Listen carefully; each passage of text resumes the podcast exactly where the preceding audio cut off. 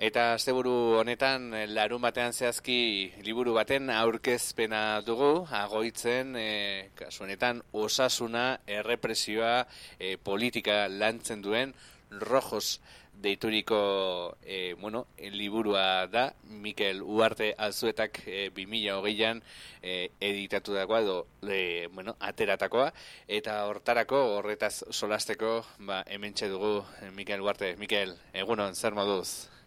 Egun honeneko ongi eta zu.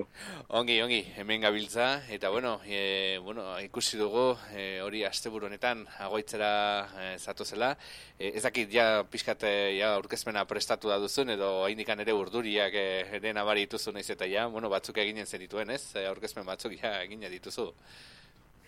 E, bueno, egia esan da, bueno, ez ditut asko egin, baina, ba, ez dakit, lau edo baina, e, gutxi gora bera, mm, badut nahiko rolloa hola pizka bat improvisatzeko eta mhm. nola, bueno, egon gara azkenengo bi urtetan ba lan hau egiten edo hiru urte ezagik. Mhm. Orduan eh, askotan kostat, eh, irakurtzea esa parte eta dokumentuak ikusi eta eta bueno, eta familiekin hitz egin eta hori, mhm. ba hori, pizkat historiak e, ba, beti ari gara hizketan eta bueno, improvisatzeko nahiago dut horrela. Eta bueno, e, bai zentratuko naiz fiska bat ere agoizko bi bueno, osasunakin duten e, harremanekin e, izan duten agoizko batzuk mhm. eta eta bueno, orokorrean hitze eingo dut ba hori e, gure ikerketari buruz eta mhm. hori. Mhm.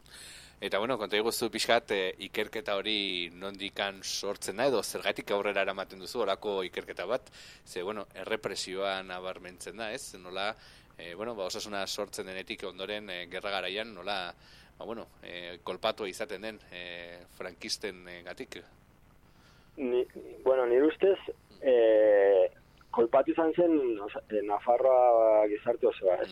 eta egia da duela irurte edo ba, bueno, nik e, jakin izan nuen e, ba, ba, ba zegoela presidente bat e, bari fusilatu dintzutela e, Natalio Kayuela, gero beste bi fundatzaile ez, ba, e, este Ladio Silvetti, eta, eta bueno, e, garaio hortan nengoen, ba, bizka, e, banun denbora librea hartu nun esentzia balanean, eta hasi nintzen, bueno, nire buruari galdezka, ba, nola, ja, urdutzen zela, e, osasunaren urte muga, ba, ber, e, kasu gehiago izango direna, izango ziren ala ez, ez?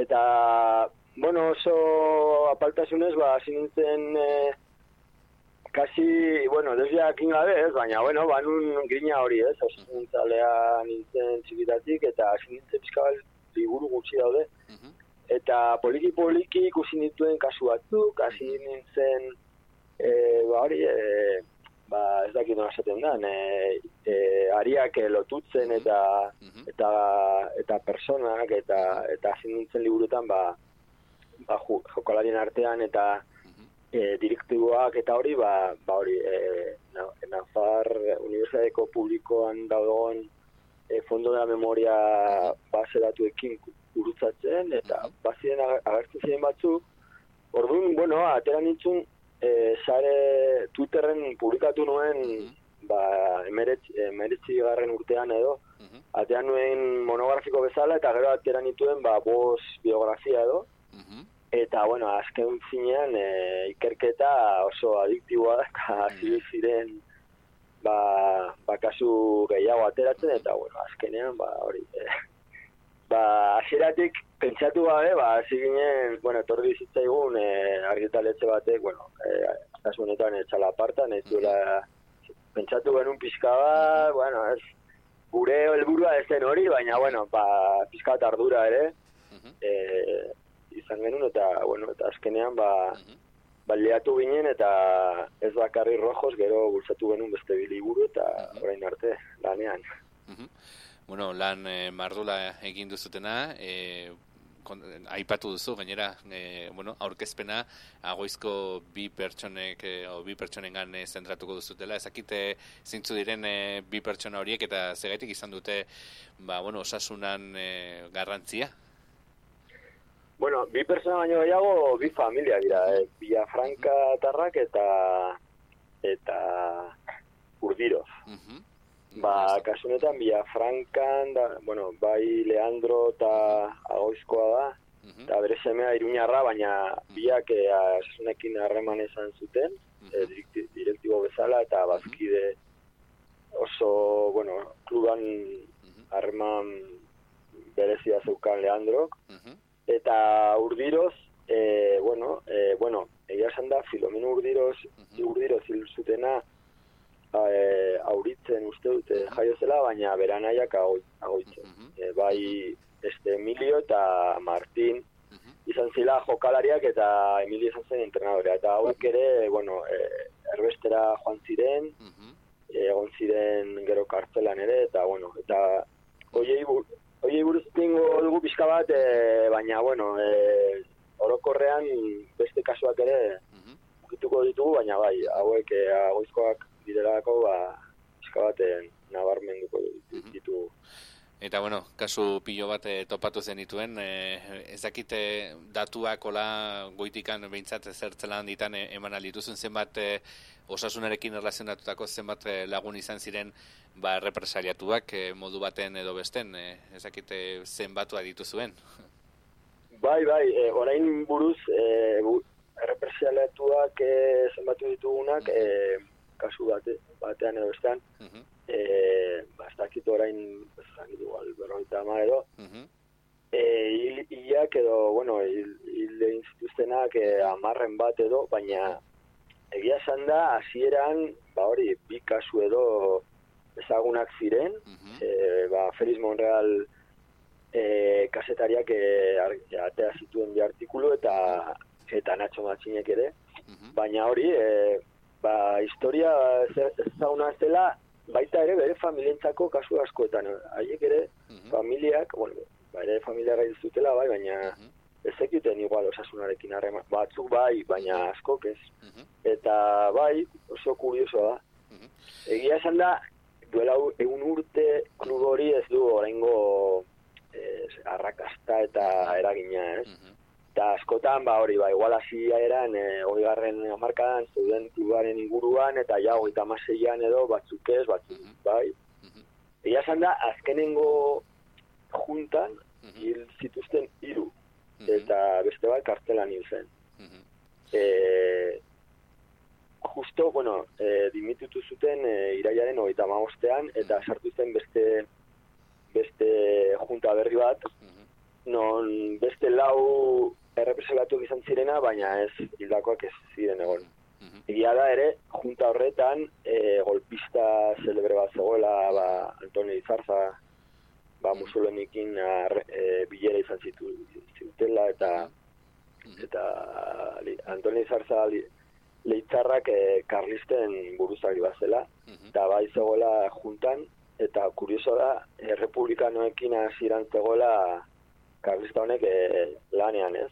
Gero, justo agoita mazean, osasunak e, lehenengo maian zegoen, eta eta kolpean, kolpea, bueno, baino lehen, hilabete bat baino lehen, zegoen jolasten e, Espainiako koparen semifinalak e, Barcelonaren kontra, eta eta bai, eta egia esan da, e, errelatoa edo ez dakit nola esan, e, Nafarroan izan ditugu, hiru egunkari nagusiak diario Navarra, el pensamiento Navarro eta bestea arriba España. Uh ba, egon zela oi hiru eta mazazpi arte edo Franco ditzela arte.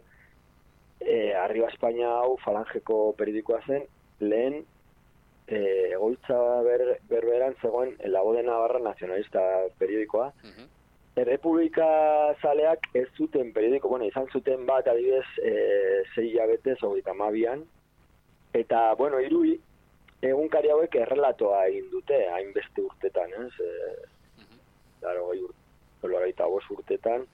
Orduan oso zaila da ikertzea, ez da oso erreza, baina, bueno, azkenean, ba, ba, asko murgiltzen bazara, eta, bueno, ateatzen dira kasuak, eta nik uste dut, Hasi, eh, egon ginen harremanetan klubakin, uh -huh. e, proposatu ginen, baina ez, ben, ez da erantzuni jaso eta saiatu ginen, eh, bai, bet, ba, behin baino gehiagotan.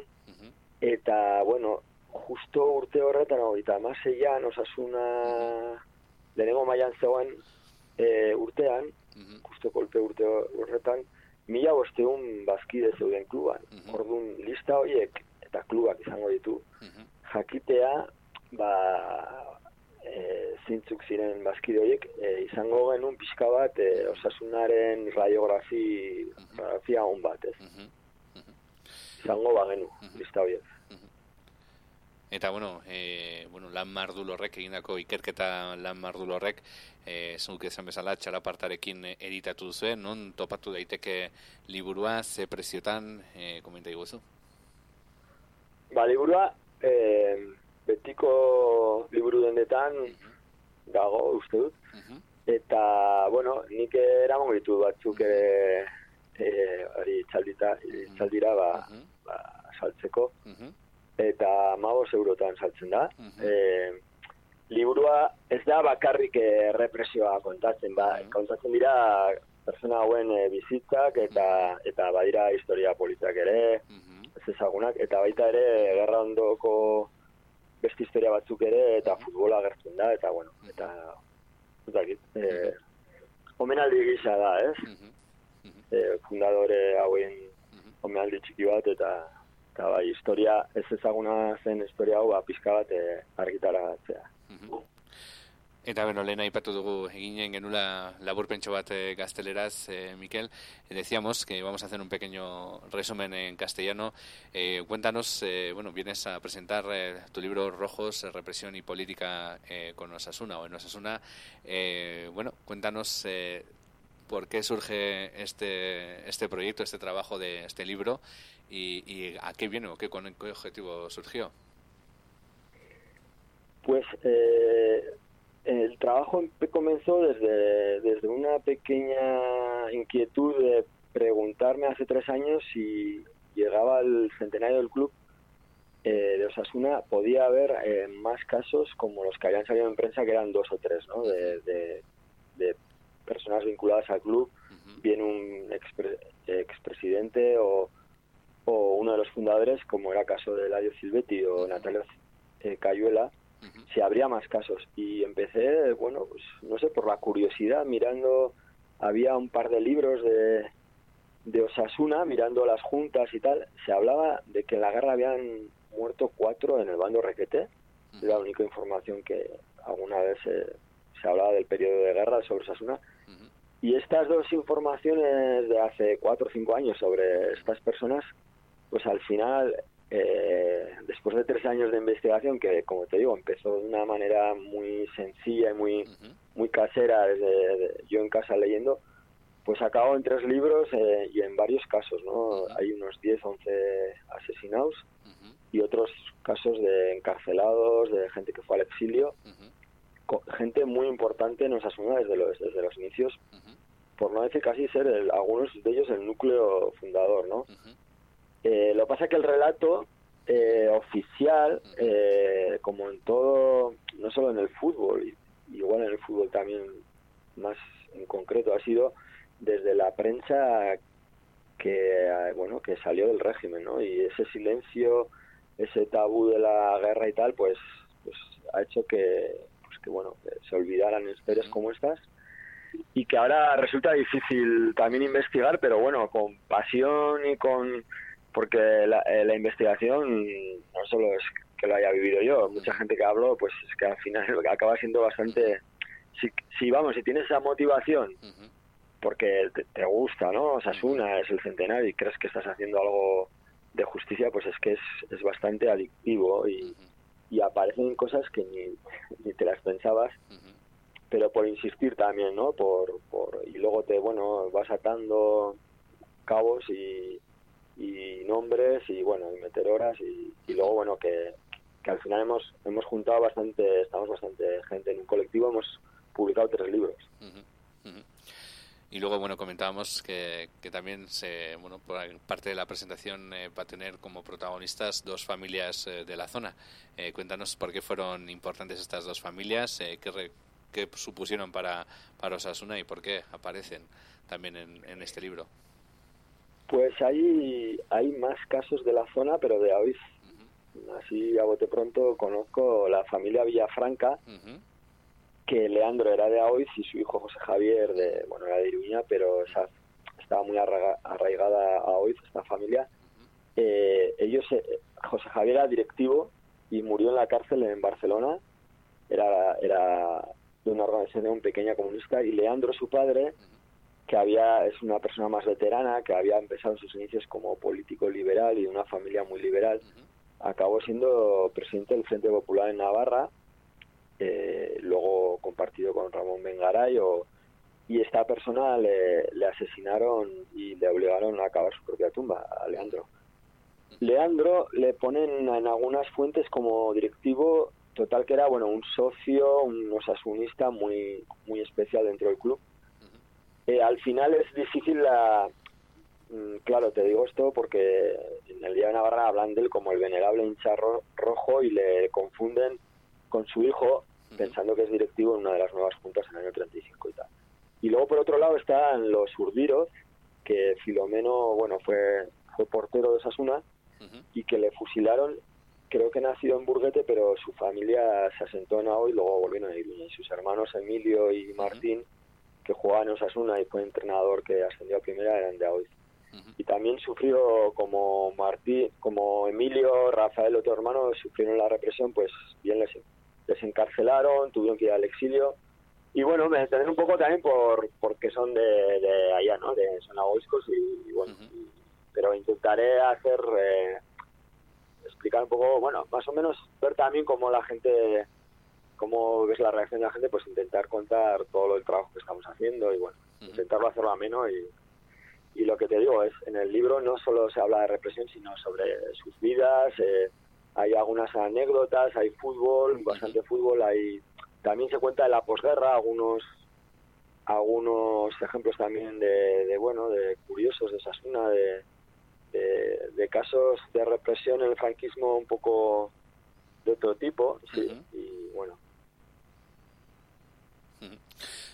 Y bueno, ya lo único que nos quedaría, Miquel, es eh, qué le dirías a nuestros oyentes y a nuestras oyentes para que se animen a acercarse a la presentación de, del libro Rojos. Eh, bueno, hoy ya, bakarrik geratuko litzaigu hori, zer esango zenioken, gure entzulegoari animatu daitezen, bertaratzera. Ba, ba ez dakit, e, larun batan da, arratsaldean zeiretan eta ez dago futbolarik edo ez dago herrian ez dakit, ez dakit e, beste, ekitaldirik edo den, eta animatzen diet, ze, gu gure, gure lan guztia eman dugu, jode, daukatu ahora hau hartuta. lasai, lasai, ondo, ondo itzen zaitzut. Joan zaiz beste, Bueno, ba, ba jendeari ba, animatzen eh, animatzen diet eh, eh bueno, biltzera eta bueno, eh, eman dugula lanean eta oraindik eh, aurkeztuko dugu orain beste liburu bat eh, Natalio Kaiola buruz. Eta eta bueno, eman du dena eta eta bueno, modu aktivista bezala eta bueno, eh, bat eh, ez gara profesionalak baina baina baina hori, maitasun oso e, jende honen omentzeko eta osasun osasunarekin ba hori ba, ba ez dakite. Pentsatzen dugu e, egun garren urte batean e, jakin bar dugula zeintzuk ziren e, sortzaile horiek eta eta bueno, eta hil zutela edo erbestera bidali zutela ba joe, haien berri ez izatea edo interesa ez izatea da pizka bat bi, bi kondena, ez? E, gerran e, egin zietena eta orain ba, ba ez dakit. Eta ez dugu lertzen nola ba, osasuna bai, bai afizioan aldetik e, jaso dugu e, ba hori ba, liburuak funtzionatu dute oso ondo, baina os, osasunaren direktiba ez dute uh -huh. zer ikusi nahi, osea, ez dakigu. Ba, bueno, gu ere, animatzen ditugu gure entzuleak e, urreratu daitezen, esan bezala, larun bat honetan, arratsaleko zietan, agoitzeko kulturetxera, horre zu izanen zaitugu, eta hoize, Mikel, mi esker gurean egon izenagatik, mi esker egindako lan itzel horrengatik, eta hoize, zuk esan bezala, anzturan ez, ez daitezen geratu e, lagun horiek, eta, bueno, ba, zor diegula hori ere, oroimena. Ba, hoize, segiongi, eta mi esker, Mikel. Ba, mi esker zuriei, eta jendeari ba, ikusi arte, larun bat arte.